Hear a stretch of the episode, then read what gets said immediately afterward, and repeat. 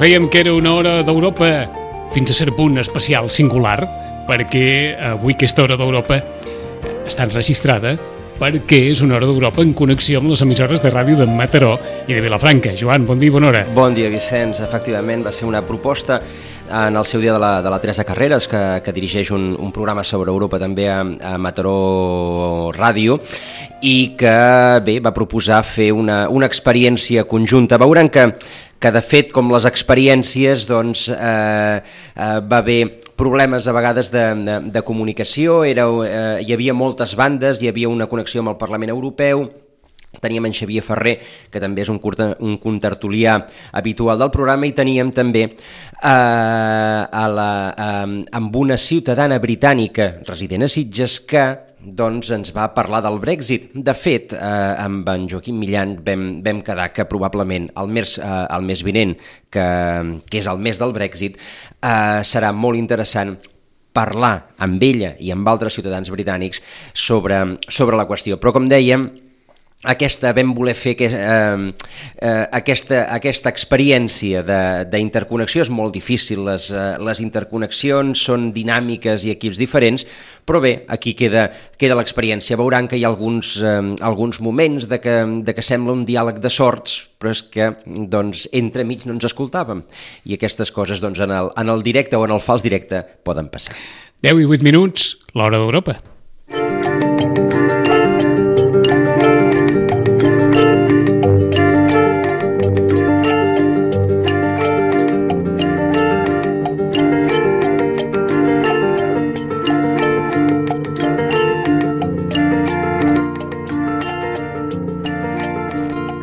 D'Europa.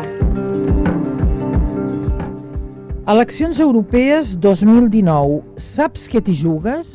Des de Mataró Audiovisual, des de Ràdio Maricel i des de Ràdio Vilafranca estem treballant perquè les eleccions europees no passin desapercebudes, perquè amb un calendari com el que us vaig a descriure ja n'hi ha moltes possibilitats. Les europees estan convocades pel 26 de maig aquí a casa nostra, però amb una convocatòria paral·lela a les municipals. A l'estat espanyol, en algunes autonomies, hi haurà també eleccions a les comunitats autònomes i qui sap si hi haurà generals a tot l'estat. Per tant que hem de treballar perquè les eleccions europees tinguin una alta participació, la gent que voti el que vulgui, però que la gent voti, perquè com sempre diem, la política si no la fas te la fan. Per tant, així que tenim davant nostre un repte important i en aquest cruïlla d'Europa especial eleccions europees 2019 que fem conjuntament amb Ràdio Vilafranca i Ràdio Maricel de Sitges i que es difon per la xarxa és el tema que volem tractar nosaltres en el dia d'avui. Cada any el Parlament de Catalunya acull la Jornada Europea del Consell Català del Moviment Europeu i aquesta, la d'aquest any, ha estat la 28a. Primer felicitar els organitzadors i concretament en el Xavier Ferrer, que és el president del Consell Català del Moviment Europeu per l'èxit d'aquesta jornada. Hola Xavier. Hola i moltes gràcies. Escolta, eh, quines conclusions en vau treure de la jornada? Que jo no hi vaig poder assistir, però vaig veure que teníeu tot el Parlament Europeu amb un ple considerable. Sí, estem contents perquè va, va venir bueno, més de 200 persones i teníem un panel eh, també de, de ponents importants, començant pel Jaume Duc, que és el cap de comunicació de, de, del Parlament Europeu, i després van fer com dos taules, de, una més de quina, què ens hi juguem a nivell sectorial, eh? hi havia el Col·legi d'Economistes, el Col·legi de Politòlegs, eh, el tercer sector, diferents àmbits, i després una altra taula més de reflexió de què hauria de fer el Parlament Europeu per ser una institució efectiva i, diguem, encarada en els ciutadans. Eh, va estar bé, va estar bé. El resum, resum en plan de Twitter seria que cal anar a votar, més que mai, perquè hi ha unes corrents, eh, diguem, antieuropeistes importants que més estan organitzades, cal anar a votar per partits democràtics i europeistes i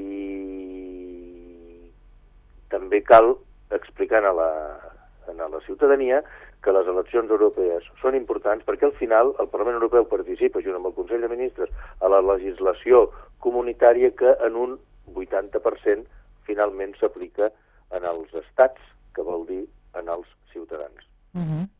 Molt bé.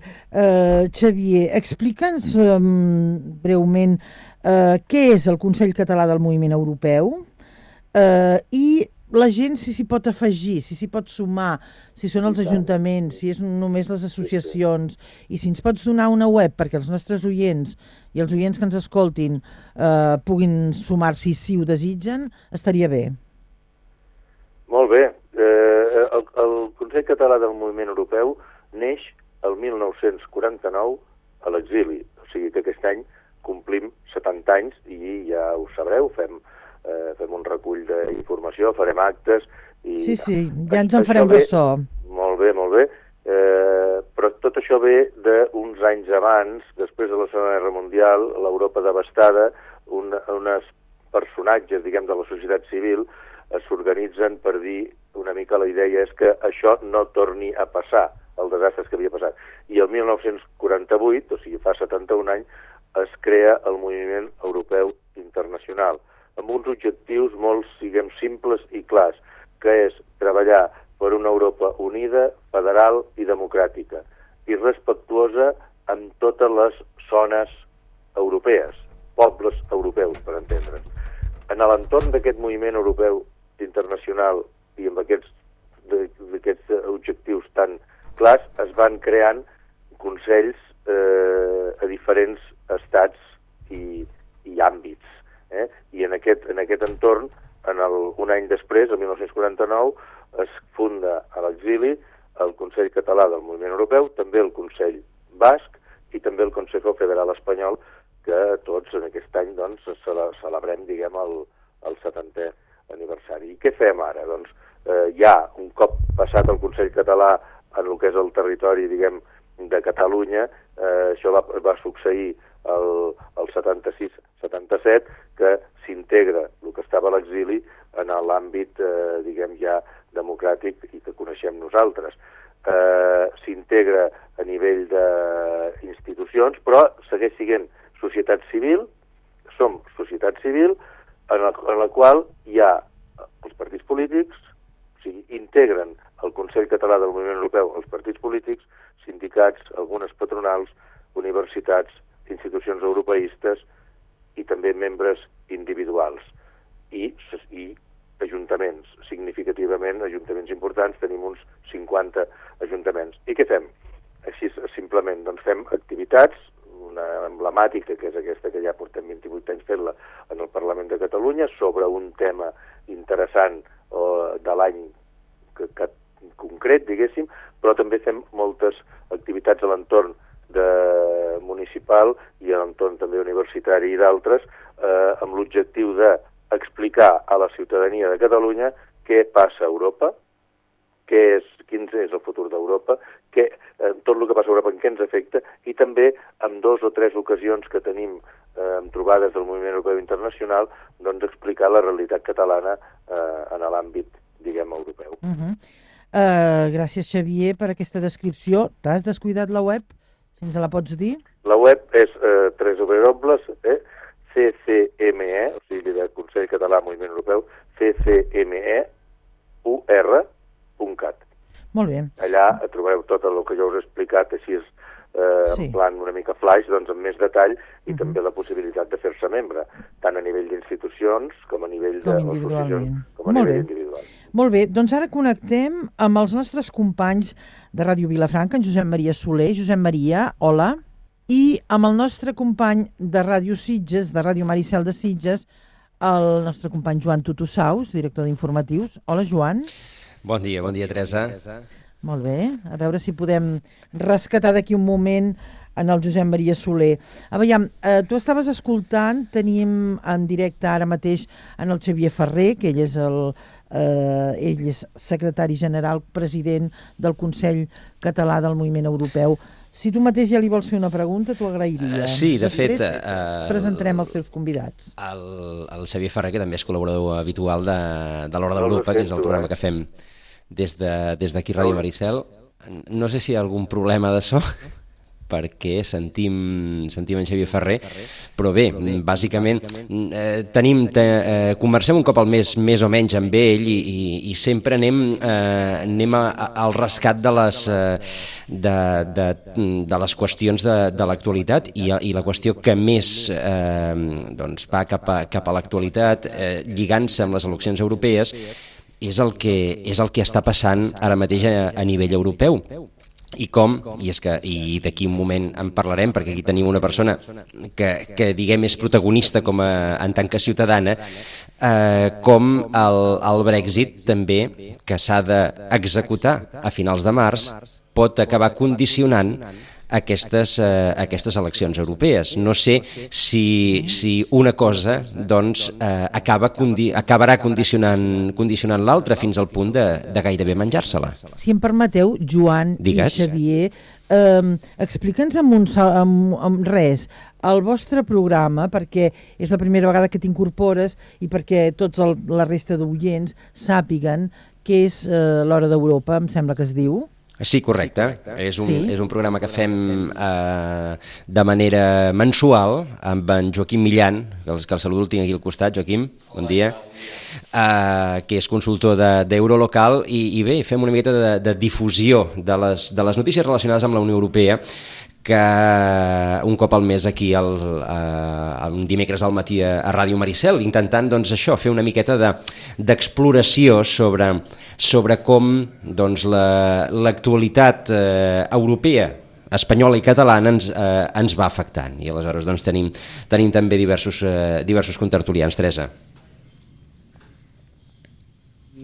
I els de Ràdio Vilafranca i tots estan ja informats. Eh, doncs, eh, Xavier, si pots contestar el que et preguntava? No, no ho he sentit, eh, Teresa? Li pots tornar a pre eh, preguntar? No, és que no el sento jo, el Totosaus. Sí, Joan, em pots dir la pregunta, que jo mateixa li faré? Ara, així m'agrada. Doncs eh, bé, la, la, la pregunta és com pot el Brexit afectar eh, el, doncs a les eleccions europees, tenint en compte que serà un element important que pot distorsionar després el que, el que passi després. Molt bé, doncs és simplement, ells comencen els de Ràdio Maricel pel final, però vaja, la teva opinió serà importantíssima. Eh, com pot compta, eh, sí, Joan, ai, Xavier, perdona, com pot el Brexit afectar aquestes eleccions? Eh, bé, en principi, si, si succeeix el que està previst, és que el 29 de març eh, el Regne Unit eh, surt de la Unió Europea, cosa que, també estan entredit, perquè, perquè de moment, eh, com no hi ha des de l'àmbit del, del Regne Unit no s'ha acceptat l'acord que ja havia fet May amb, amb, amb, amb, el, amb la Unió Europea, veurem com es desenvolupa això. Una, una porta oberta és que, que ja l'ha deixat entreveure la Unió Europea, és que es podria retardar la data aquesta el 29 de març de sortida. En aquest cas, retardar-la vol dir que la retardarien uns mesos. Eh, si fos així, afecta de ple a les eleccions del Parlament Europeu des del punt de vista de que ell participaria un, un, un estat que ha estat membre durant 43 anys i que ara vol deixar de ser-ho i que amb la situació actual no hi participaria, però això també alteraria la situació perquè vol dir, ara el Parlament Europeu de 750 membres en, el, en les pròximes eleccions ja no hi haurà cap membre britànic. Si resulta que retracessin aquesta data, voldria dir que s'hauria de comptar amb els britànics, per tant afectaria molt més. Suposem que no passi això, doncs jo diria que, que no ha d'afectar massa perquè és, són, diguem, dos temes, dos temes diferents. Un és que això sí que té uns efectes econòmics i socials i fins i tot polítics al Brexit respecte a la Unió Europea i els països i la ciutadania, però no tant en, les, en, les, en unes eh, eleccions concretes de, en el Parlament Europeu. Sí que afectarà, en el, un cop hi hagi el resultat de les eleccions al Parlament Europeu, perquè no, si marxen el 29 de març, no hi haurà el grup parlamentari britànic, que ara hi és, en el Parlament Europeu, en aquesta legislatura i a les anteriors, i que actua d'una manera determinada i que, per tant, aquest, eh, normalment també, a vegades posant pals a les rodes, o fent de que la integració política no sigui tan fàcil i es vagi més per una integració econòmica, doncs aquest grup i tota la influència uh -huh. britànica que ara ja en el Parlament uh -huh. Europeu doncs, no hi serà. Molt bé. Doncs ara sí que podem connectar amb el Parlament Europeu, amb la Estefania Narrillos, ella és membre del Parlament Europeu, naturalment, i mm, ens eh, concedeix uns minutets perquè sí que és molt important, tant per nosaltres, els que estem aquí sobre el territori, Xavier Ferrer, eh, president del Consell Català del Moviment Europeu, i Joan Tutussaus, en aquests moments, eh, director d'informatius de Ràdio Maricel, eh, saber com, com, com es prepara el Parlament Europeu per aquestes eleccions. Uh, hola, Estefanía, gracias por atendernos. Hola, buenos días. A ver, yo que lo que quería preguntarte, te están escuchando también Xavier Ferrer del Consell Català del Moviment Europeu, Joan Tutussaus y José María Soler. Um, quería preguntarte, para el Parlamento Europeo como institución, ¿por qué son estas elecciones europeas más importantes que otras? Y otras convocatorias. Bueno, estas elecciones son muy importantes por el, por el contexto en el que está Europa. Europa se enfrenta ahora mismo a, retos, a grandes desafíos como la gestión de los flujos migratorios, eh, el cambio climático, el desempleo juvenil, la protección de los datos personales y la regulación de todos estos ámbitos pasa por Bruselas, pasa por el Parlamento Europeo. Por eso, por eso es tan importante que los ciudadanos elijan a las personas que se encargan de dar forma a la legislación y de fijar prioridades y de asignar el presupuesto. Entonces, bueno, creo que creo que esos son probablemente la clave, los los eh, retos políticos y, la, la, importancia que tiene la institución a la hora de gestionarlos. Uh, nuestros compañeros Xavier Farré, Joan Tutusaus, José María Soler también te pueden hacer preguntas, naturalmente, pero yo había pensado, yo me gustaría que para que todos nuestros oyentes vean cuál es el trabajo que vosotros hacéis desde Bruselas, dinos, um, la campaña aún no ha empezado, pero seguro que estáis ya trabajando desde hace mucho tiempo. ¿Cómo trabajáis sí. desde Bruselas y desde el territorio? El Parlamento, el Parlamento Europeo lleva de meses preparándose para las elecciones. Del pistoletazo de salida se dio cuando, a falta de un año, en, ya, ya en mayo del año pasado, y el Parlamento ha tratado de poner una campaña, ha, tratado de poner en marcha una campaña de información que, no tiene precedentes. El, objetivo es acercar su trabajo a todos los rincones de Europa y por todos los canales para llegar literalmente a toda la población. Entonces, eh, hay una iniciativa que es eh, la primera vez que, se, que, que funciona, que se llama Esta vez Voto, en la que se trata de implicar a la gente en la campaña para que sean ellos mismos los que trasladen a amigos, familiares, compañeros de trabajo la importancia de participar en las elecciones. Se trata de, de apoyarse en la gente que ya tiene una cierta mm, inclinación, un cierto interés y a partir de ellos llegar a gente a la que es más difícil llegar, porque uno de los problemas que hay con las elecciones europeas es, la tasa de abstención y eso es lo que se trata de salvar de esta manera. Luego hay una segunda página, la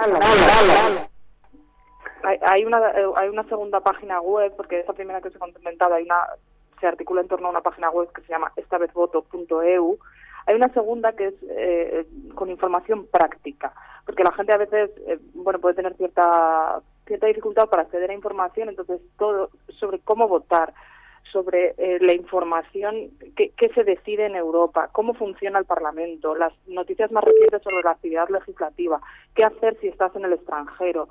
Toda esa información también está, se está tratando de acercar. Y luego se están organizando eventos. El, Parlamento tiene presencia en, en todas las capitales. En el caso de España, además, también tiene presencia en Barcelona. Entonces, a través de, de, las oficinas de las oficinas que tiene el Parlamento en los países se están organizando eventos bueno, multitud de eventos, sobre todo intentando implicar a, esa especie de multiplicadores que, que os citaba antes para llegar cada vez a más gente y trasladar su mensaje. Muy bien. Uh, Joan, li vols fer una pregunta a l'Estefania? Uh, sí, sí seria interessant poder saber uh, com la, des del Parlament Europeu afronten doncs, el soroll de fons de, de, de tots els problemes polítics uh, que fins i tot afecten els països, des d'Itàlia fins, a, fins a totes les qüestions, des de la immigració fins al Brexit, per no distorsionar allò que deia ella que era el principi fonamental, que és tot allò en el que pot regular el Parlament Europeu. És a dir, que com, com es pot separar el gra del, de la palla i el soroll que senten els ciutadans respecte d'allò pel que és pràctic de veritat el Parlament Europeu. Bueno, tenemos, eh, el Parlamento lo que tiene es eh, 751 embajadores, digamos, que son capaces de, de trasladar el mensaje a- al nivel más local, que son los propios eurodiputados. Los propios eurodiputados también tienen capacidad de trasladar a, sus, a, a las personas que les eligieron hace cinco años, en la mayoría de los casos, qué es lo que han estado haciendo y explicarles mm, por qué es tan importante tener representantes aquí.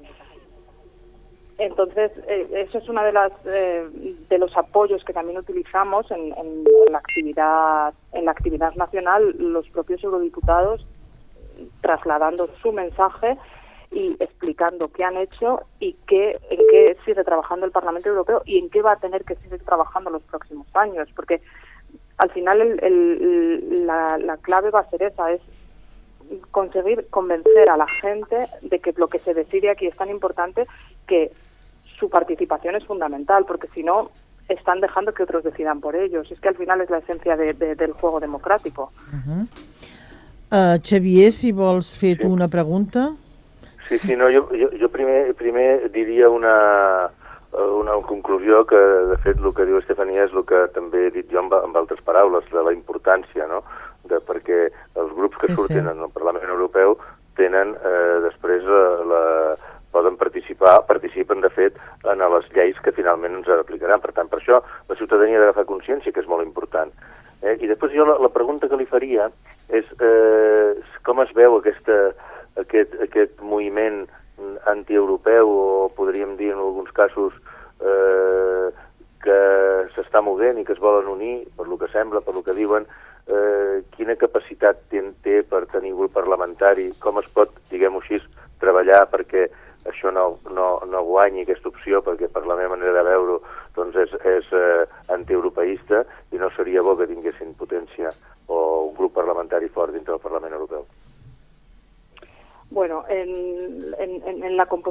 Parlamento futuro y en a quién van a elegir los, los ciudadanos, eh, yo preferiría no entrar.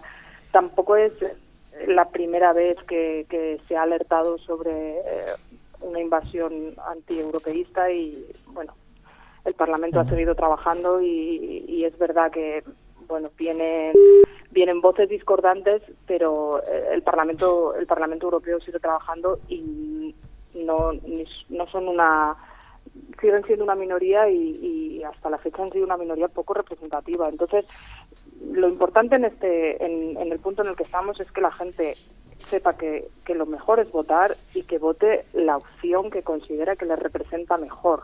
Uh -huh. Entonces, Gràcies, Estefania, per la, te per la teva resposta, perquè m'ha fet pensar molt en quan jo estava a Brussel·les i va entrar com a eurodiputat el senyor Le Pen, que realment hi havia uns nervis i una cosa tan gran, després no es va donar el cas i després va ser una mm, posició residual, com encara continua sent, encara que estic d'acord amb el Xavier, que va creixent al Parlament Europeu. Per tant, que com ens diu la Estefania, eh, tranquils. Eh, ara s'afegeix també el nostre company, el cap d'informatius de Ràdio Vilafranca, en Josep Maria Soler. Hola, Josep Maria. Hola, què tal? Molt bé, disculpa que hem tingut alguns problemes per connectar-te. Eh, tenim eh, la representant del Parlament Europeu, l'Estefania Narrillos, Xavier Ferrer i el nostre company Joan Tutussaus i en Quim Millan. Eh, està, estem acabant l'entrevista amb l'Estefania. Mm, si li vols fer tu mateix alguna pregunta? Sí, jo, clar, m'acabo d'incorporar ara mateix Sí. i no he estat molt al damunt de tota igual. la conversa, però justament la circumstància que ens ha provocat entrar tard dins del programa, que és aquesta dificultat de coordinació d'espais entre Mataró, Sitges, Vilafranca, eh, em fa pensar que si aquí, que és un terreny molt petit, eh, hi ha a vegades aquestes dificultats tècniques, podríem dir, Sí, eh, com sí. no deu ser el, el Parlament Europeu, no? I com no deu ser eh, centralitzar totes les necessitats de fer arribar els missatges eh, a, a un Parlament amb un espai tan gran i amb, amb tantes veus discordants, no? Aquesta coordinació deu ser molt complicada, no? Estefania, este es Bueno, tu, tu es pregunta. complicado, pero, pero yo creo que hay, hay, hay múltiples hay múltiples pruebas de que, de que con voluntad las, las dificultades eh, bueno se resuelven. Quiero decir, el Parlamento en esta legislatura ha, ha conseguido legislar en, en, en algunos temas que las posiciones estaban inicialmente muy separadas, pero bueno, se han se ha prohibido el uso de plásticos de un solo uso, siempre que haya voluntad. Y el Parlamento, por suerte, está entrenado desde hace ya mucho tiempo para, para el consenso. O sea, en el Parlamento el, el trabajo y el ejercicio de consenso y la conciliación de intereses entre países del norte, países del sur, países del este, del oeste, eh, grupos políticos de la izquierda, de la derecha y del centro, eh, se hace cada día. Entonces, bueno, yo creo que se va a seguir haciendo. Uh -huh. uh, Joan, tu, tu saus, uh, Xavier, si no jo li faria una pregunta també en relació, és cert, uh, les institucions estan pel consens, per què costa tant el consens a Venezuela en aquest cas? A veure si ens dona alguna explicació que ens ajudi a entendre-ho. Bueno, respecto a Venezuela, el, el, el, la, el, Pleno llegó la semana pasada a una... Sí, del Parlamento a, tiene a razón, una... sí, sí, tiene razón. Pero en general pero de las instituciones. Tiene... Sí, sí. No, no, tiene razón. Bueno, el, el, Pleno llegó a un acuerdo. El Parlamento llegó a un acuerdo sí, sí. muy mayoritario. Fue sí, la primera institución que, que, decidió reconocer al, al presidente al presidente encargado. Uh -huh.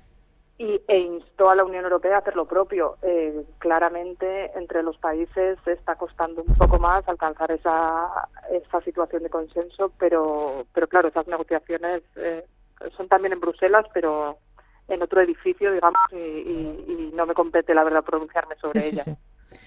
Uh, muy bien, uh, creo que nos has dicho diez minutos. Me gusta siempre respetar los tiempos. Te agradecemos tu participación en el programa de hoy.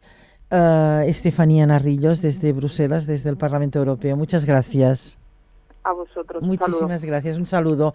Nosaltres continuem amb el Xavier Ferrer des de Barcelona, amb Ràdio Maricel, des de Sitges i amb Ràdio Vilafranca.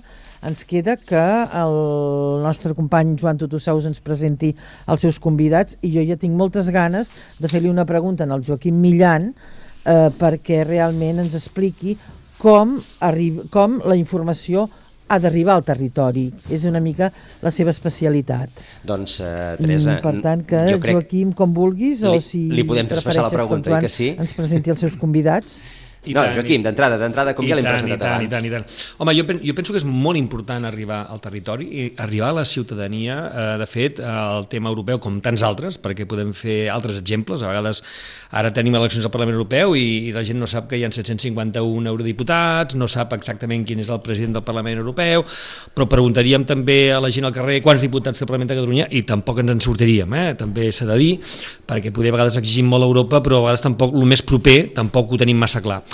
Jo penso que les eleccions europees a vegades també és, una, és un moment, que una excusa perfecta per fer pedagogia de com funciona el Parlament Europeu, com funcionen les institucions i de quina manera prenen les decisions que ens afecten amb aquest 80% al nostre dia a dia, amb tot. Abans eh, la representant del Parlament Europeu parlava d'una sèrie de coses, però és que eh, coses més properes, eh? eh ens afecten al nostre dia a dia en l'àmbit eh, educatiu, en l'àmbit eh, d'innovació, en l'àmbit de l'empresa, en l'àmbit de quan vas al supermercat, perquè quan compres un producte et garanteixi uns mínims eh, drets com a consumidor europeu, eh, doncs hi ha una sèrie de directives europees que fan que el mateix supermercat a, a, a Sitges, a Mataró, a Vilafranca tingui les mateixes característiques que ara a cobrir les teves, els teus drets com a consumidor europeu i ciutadà i ciutadana europea que si estàs en qualsevol altre supermercat d'Europa. Per tant, penso que això s'ha de traslladar.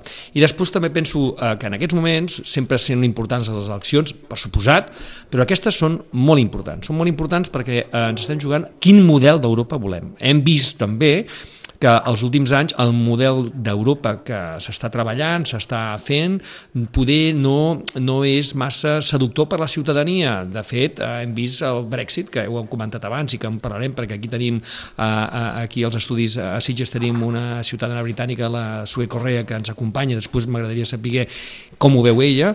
Eh, possiblement el Brexit és producte d'aquest desencís europeu eh, que amb la crisi primer econòmica, després amb la crisi institucional internacional i després amb la crisi de drets eh, que hem vist, els ciutadans perceben que això que en diem Unió Europea mm, pues no acaba de, de ser eh, aquell, aquell quart nivell d'administració pública i institucional que hauria d'alguna manera garantir eh, justament aquests drets. No? I per tant jo penso que estem en un moment clau de discutir i de debatre quin model d'Europa volem. I jo penso que la gent ha de ser conscient i corresponsable d'això un, un model d'Europa que precisament eh, doncs ara patirà una amputació. Sí, clar, clar, vull dir, i, i, i no, la, no és la primera i ni serà l'última, desgraciadament, i per tant hem de reaccionar. Jo penso que les eleccions europees és un bon moment, és un bon termòmetre perquè la ciutadania, eh, que té en aquest moment la possibilitat de donar la seva veu, reaccioni i reaccioni en un sentit o un altre.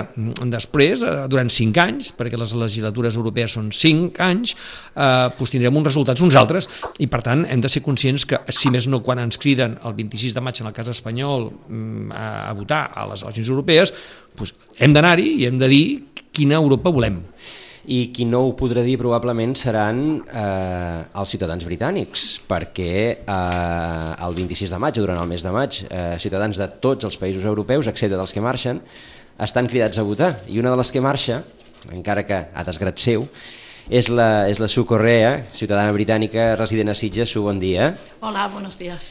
Um, que ara, ara, just abans de començar, li, li preguntàvem, um, clar, els britànics, en principi, no voteu en aquestes eleccions europees. És a dir, aquí estàvem parlant de tot el que eh, suposa i la importància d'aquestes relacions, però clar, a, a Joan, de... Digue'm. Perdona, en Xavier Ferrer m'ha demanat que ell ha de marxar sí? ara a I45 abans que la Su, hola Su, què tal? Hola, què tal? Eh, ella contesti la teva pregunta. Eh, volia doncs agrair-li al Xavier Ferrer eh, la seva presència en el programa perquè té un altre compromís, però m'agradaria que abans de marxar ens diguessis, Xavier, com, com teniu el Consell Català Consell Britànic del moviment europeu. És a dir, els britànics també estan en el moviment europeu i quina sí, sí, sensació... tant i tant. Per Mira, això, per això. El, el, el, el, el moviment europeu eh, no és una... No, és, no són institucions de la Unió Europea, és societat civil. De fet, hi ha moviment europeu a 39 estats de la Unió Europea i els britànics, en seu a Londres, també tenen una, una, tenim, vaja, una representació eh, ciutadana allà a, a Londres. De fet, eh, està previst que, no sé si és l'any que ve o, o d'aquí dos anys, la reunió de, internacional que fem cada any eh, es, faci, es faci a Londres, sí, sí. Això segueix igual. Eh, hi ha britànics que treballen per aquesta idea del moviment europeu internacional que és treballar per una Europa unida, federal, democràtica i respectuosa amb la, amb la diversitat. I tant que sí que t'hem pres, Xavier, gràcies per sí. aquest minut de més que t'hem pres i, i realment eh, gràcies per les teves explicacions. Ara sí, Joan Tutussau, si li vols donar pas a la SU. Doncs, Moltes gràcies a tots vosaltres. Uh, salutacions, Xavier, també, uh, des de Sitges. Uh, doncs, com comentàvem, amb la, amb la SU estem parlant molt de, de, això, de la importància d'aquestes eleccions i els ciutadans britànics, el, bé, podríem dir el 90% dels ciutadans britànics expatriats, eh, voldrien votar, no voldrien marxar. So. Sí, porque eh, nos gustaría votar por lo menos para Europa, porque aquí dentro de España no podemos votar, uh -huh. solamente para las elecciones municipales. Y, y, tener una voz es bastante importante para nosotros porque nos sentimos una parte de este país. Uh -huh. Va, a, les, a les municipals sí que podeu sí, votar. Sí, sí, en aquestes municipals sí. El, el, el que no podreu votar, sí. en principi, si res no canvia, i sembla que res canvia, és sí. uh, a les europees. Com Eh, com s'ha viscut des de no, els, eh, els britànics expatriats eh, tot aquest procés i sobretot aquests, aquests darrers mesos de gairebé de bojos amb, amb reunions a Westminster amb, amb ara sí, ara no, ara potser, ara, ara tal, ara qual? Es, eh, nos da bastante miedo porque no sabemos y no nos pueden decir ni los consulados, eh, ni nadie eh, eh, que debería saber exactamente lo que va a pasar con nosotros. No, entendemos, no sabemos si podemos acudir a la seguridad social, no sabemos si vamos a recibir nuestras pensiones, no sabemos si nuestros hijos van a tener el derecho de acudir a los colegios.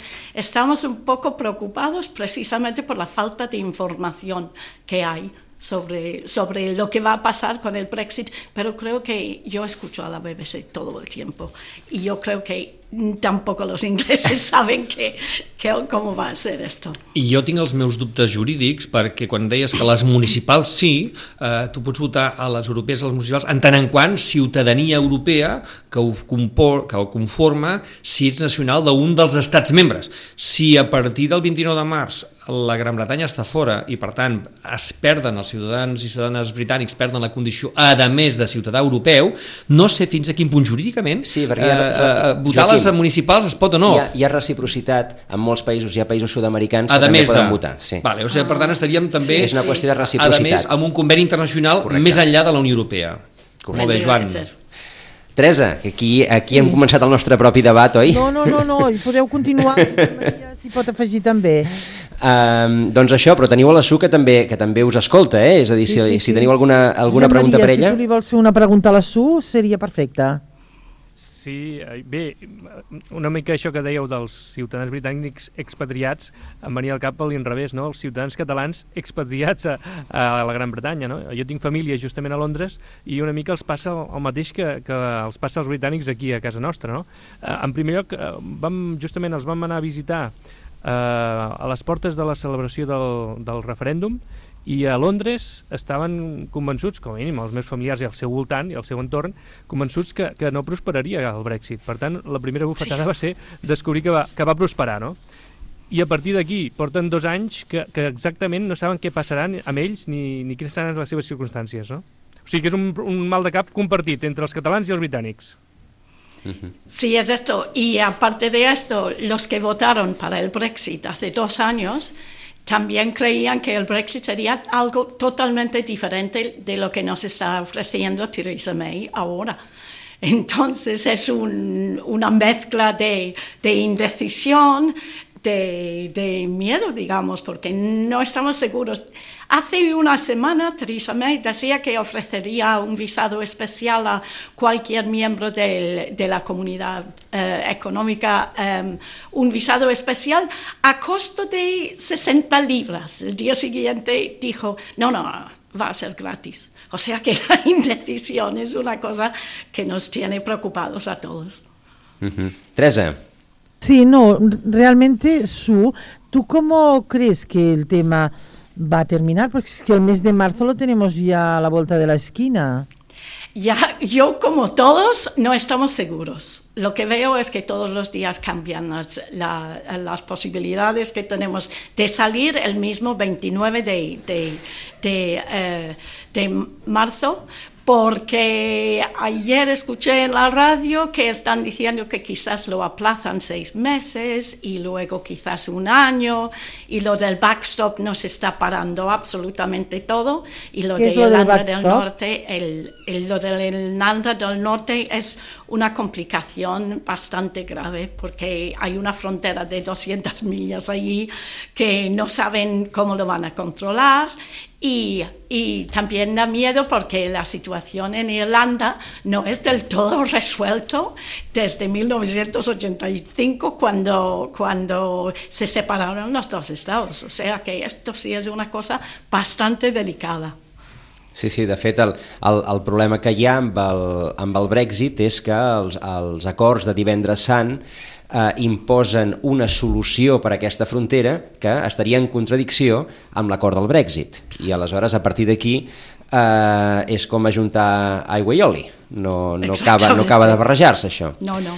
Um, un país com una, amb una tradició parlamentària el país amb la tradició parlamentària més llarga d'Europa, que, és, que és la Gran Bretanya, eh, que respecta fins al final el resultat d'un referèndum, perquè això és democràcia i al final tothom accepta no diré de bon grat, però com a mínim eh, esportivament el sí, resultat, sí. Um, pot donar marxa enrere en, en una situació com aquesta? 40% de los, 48% de los que votaron para quedarse en Europa están esperando esto.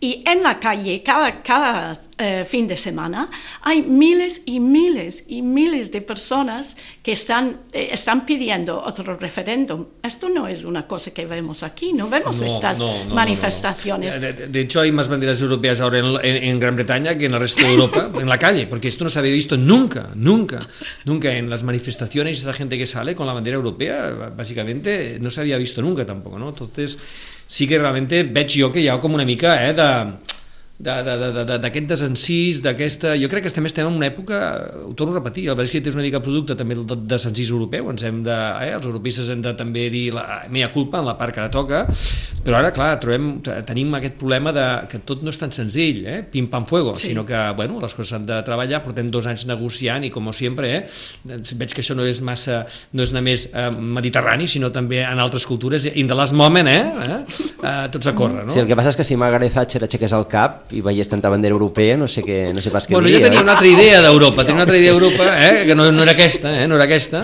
però, però com a mínim tenia una, que ara el problema és que mm, si li preguntéssim a Teresa May quina és la idea d'Europa que tu tens, no sé què ens diria. Eh? La, la Thatcher eh, tenia la seva, igual no compartida, però tenia clar el que volia.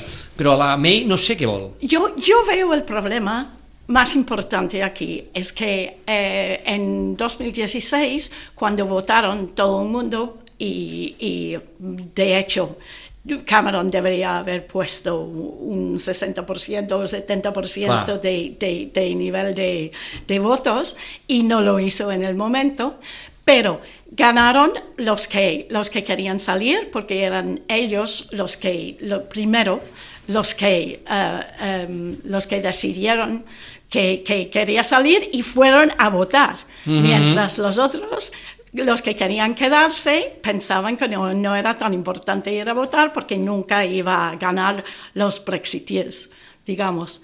Entonces, lo que está pasando ahora es que los, de la, eh, los del gobierno que tampoco votaban para salir claro. son los que están negociando el, la situación. Uh -huh. Y lo están negociando de una manera que, que moralmente no quieren salir de, de claro, Europa. No. Això també és Entonces, admirable, eh? Vull dir que fer que... Lo están haciendo este por papel, la eh? Democracia, pero realmente si el corazón no lo siente es más difícil. Mucho más difícil, uh -huh. molt, sí, molt sí. difícil, sí, està clar. Teresa. Josep Maria eh, Soler, que també ell m'ha dit que volia marxar a la una perquè té més ocupacions. Eh, sí? Sí, sí. Mm, doncs ja no hi és ell. Doncs d'acord, eh, continuem doncs nosaltres. Jo sí que sí, el que sí vull... que eh? Sí, Josep Maria? Estic per aquí, estic per aquí, sí, sí. Molt bé. Doncs escolta, només volia que mm, tu abans de, de marxar eh, poguessis, sisplau, eh, preguntar-li a la Su eh, alguna cosa sobre la seva situació en, a, a Sitges, en aquest cas, com a ciutadana britànica que viu aquí, perquè ens has dit que ens havies d'abandonar perquè tenies una altra obligació. Sí, però de fet eh, encara ho podem allargar, allargar una mica més, eh? Si, ah, molt bé. Si així ho voleu. Doncs... Uh, de tota manera, jo sí que li diria a la, a la Su això que ens explicava, no? aquesta mena d'angoixa no? que m'ha semblat entendre sí, sí, que, que, és... que pateixen els ciutadans sí? britànics per aquestes incògnites grans uh, que, que es plantegen. Uh, com, com veu que Europa li pot resoldre, tot i sent ciutadana britànica, està vivint uh, aquí a, a Europa i, i per tant no sé si creu que, que pot ser Europa finalment qui li doni un cop de mà a resoldre aquesta situació o, eh, o al revés, Europa està tenint una postura molt dura de rebuig total eh, al Brexit britànic. Yo, la verdad, si yo fuese Europa, les echaría ahí mismo, porque la manera que se han portado con Europa ha sido bastante, bastante fuerte y eh, ha sido de una manera bastante ignorante tam también, como decíamos antes. La gente en, en Inglaterra tiene una falta de, de, conocimiento sobre el funcionamiento de Europa. Eh, no han, el gobierno no ha hecho mucho esfuerzo en educarnos sobre, sobre el caso y las leyes y todo lo que implica ser miembro de Europa. Y entonces eh, yo creo que la decisión de salir de Europa ha sido bastante poco informado. Pero claro, esto es opinión mía porque uh, me afecta a mí porque yo vivo aquí en, en, Europa. Pero realmente creo, y creo que muchísimos de mis paisanos también creemos, que el libre uh, movimiento dentro de Europa es una cosa eh, que nos enriquece bastante la sociedad. De fet... De fet Su, ¿tú, ¿Tú eres inglesa? Eh, soy galesa, por eso. galesa. Es que quería preguntarte también las diferencias que hay, por ejemplo, entre Escocia, ¿no? Escocia o, o Inglaterra en relación al, al, Brexit, ¿no? Los escoceses no quieren salir de Europa. Eh, los galeses quieren salir más que el resto de Inglaterra porque eh, es un país eh, donde hay, hay, más pobreza que en otras partes de, del Reino Unido. Y en, el país de Gales votaron para salir sin entender que Europa les ha, ha, ayudado muchísimo en cuestiones económicas y, y, en becas y cosas, pero sin entender esto votaron para salir. Això que ens comentava ara la Su, de, de, de, que el, de que el govern no ha fet campanya per difondre la, la idea europea des, de, des del principi, doncs clar, ens porta a recordar eh, aquell, aquell famós, eh, aquella famosa portada del The Times, el dia que van inaugurar l'Eurotúnel, que va, que va titular que el continent ja no està sol. Sí. I és una miqueta aquesta, aquesta manera britànica de veure les coses, no? Sí, aún tenemos. Eh, mucha gente tiene la, la idea del, de, que, de que el Reino Unido es, es un país colonizador y el orgullo británico. Lo que se ve cuando uno sale del, del, del, del país es que hay vida por el otro lado. El continente no es tan lejos y somos una parte de, de esto. Teresa. Sí, jo volia que el Joaquim ens digués, quan ell va en els ajuntaments, ell com a persona que està implicat a través d'Eurolocal i veu altres persones que també patiran les conseqüències del Brexit, és a dir, altres, eh, en aquest cas tenim una galesa, doncs altres britànics, la gent que està vivint aquí, com ho viu això? Perquè m'agradaria, abans d'acabar, que ell ens, que la SU ens pugui dir com veu el futur, com, com, com es veuen els que ara ho estan patint aquí. Bueno, eh, jo crec que també, com deia el Josep Maria, no només els que estan aquí, sinó molta gent d'aquí que em pregunta a mi, escolta, com acabarà això perquè tinc un fill treballant a Londres, tinc una filla estudiant a Edimburg, eh, tinc com acabarà aquest tema també, no? I per tant, eh, veiem una miqueta eh, que hi ha eh, aquesta preocupació, bàsicament per una cosa que ha dit eh, la SU que és fonamental, és, és la incertesa fins l'últim minut, eh, fins al last minute, eh, una incertesa brutal de com anirà això, com ens afectarà perquè poder, o no s'ha explicat bé, que també jo penso que és una, la pedagogia també és veritat que darrerament en política mm, manca molt, no s'ha explicat bé, i després perquè, clar, anem tard, eh, anem tard, hi ha una data, hem un deadline, anem tard i ara, eh, bueno, sembla que eh, eh, caixo faixa, eh, o blanco negro, eh, vull dir, no hi ha color al mig, no?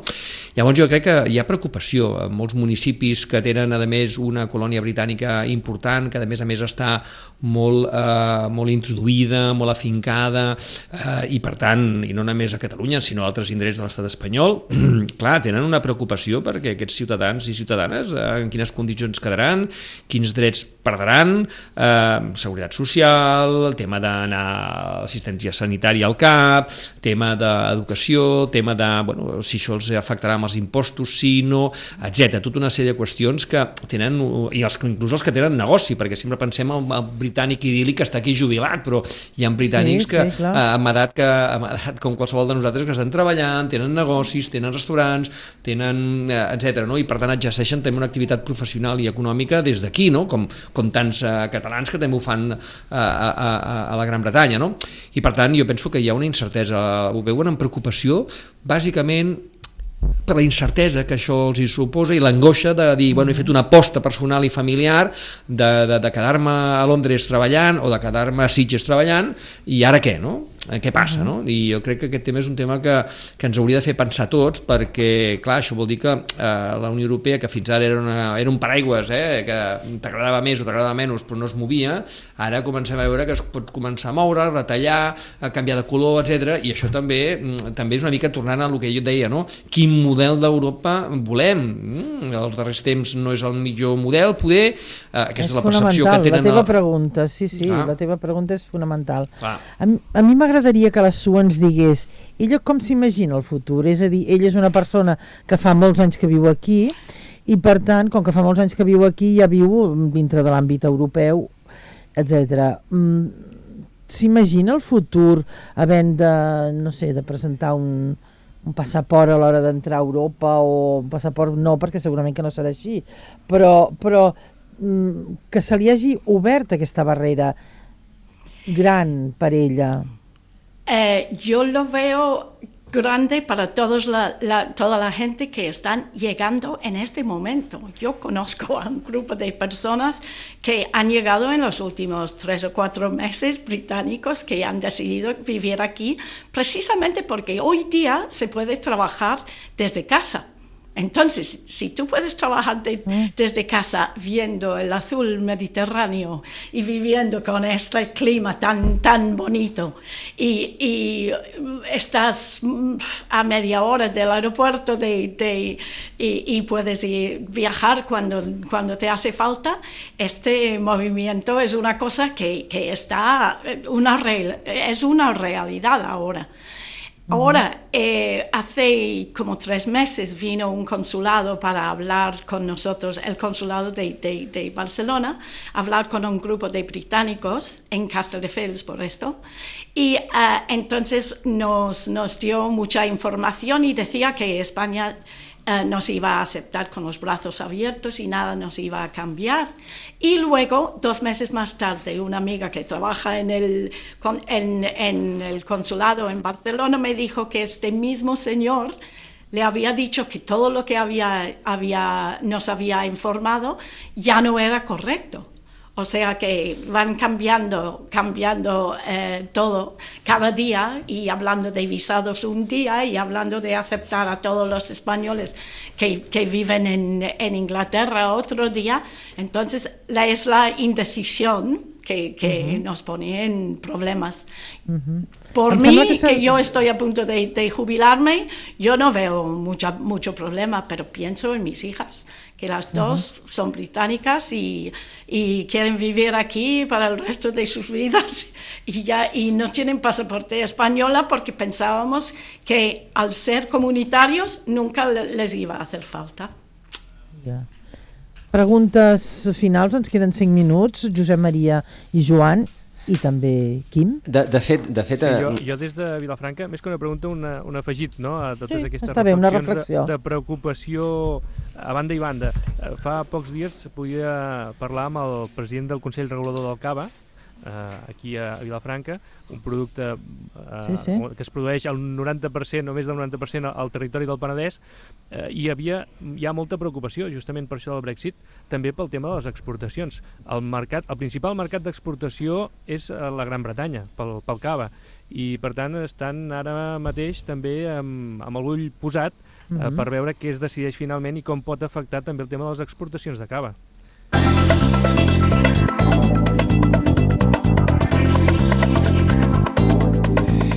Una hora d'Europa diferent, amb aquesta connexió entre Vilafranca, Mataró i Sitges en companyia de tot un seguit de convidats, en Joan Totusaus i en Joaquim Millan. 5 minuts tornem, temps pels llibres, ens en recol·locarem, diguem-ne, en el nostre àmbit habitual amb la Rosana Lluc, un repàs a les novetats, entre altres, avui ja surt a la venda el Premi Josep Pla 2019. I després dels llibres, una puntualització, una puntualització que ens vindrà des de el gerent de Casa García. Tornem de seguida. A Ràdio Maricel, cada dia, al matí amb nosaltres.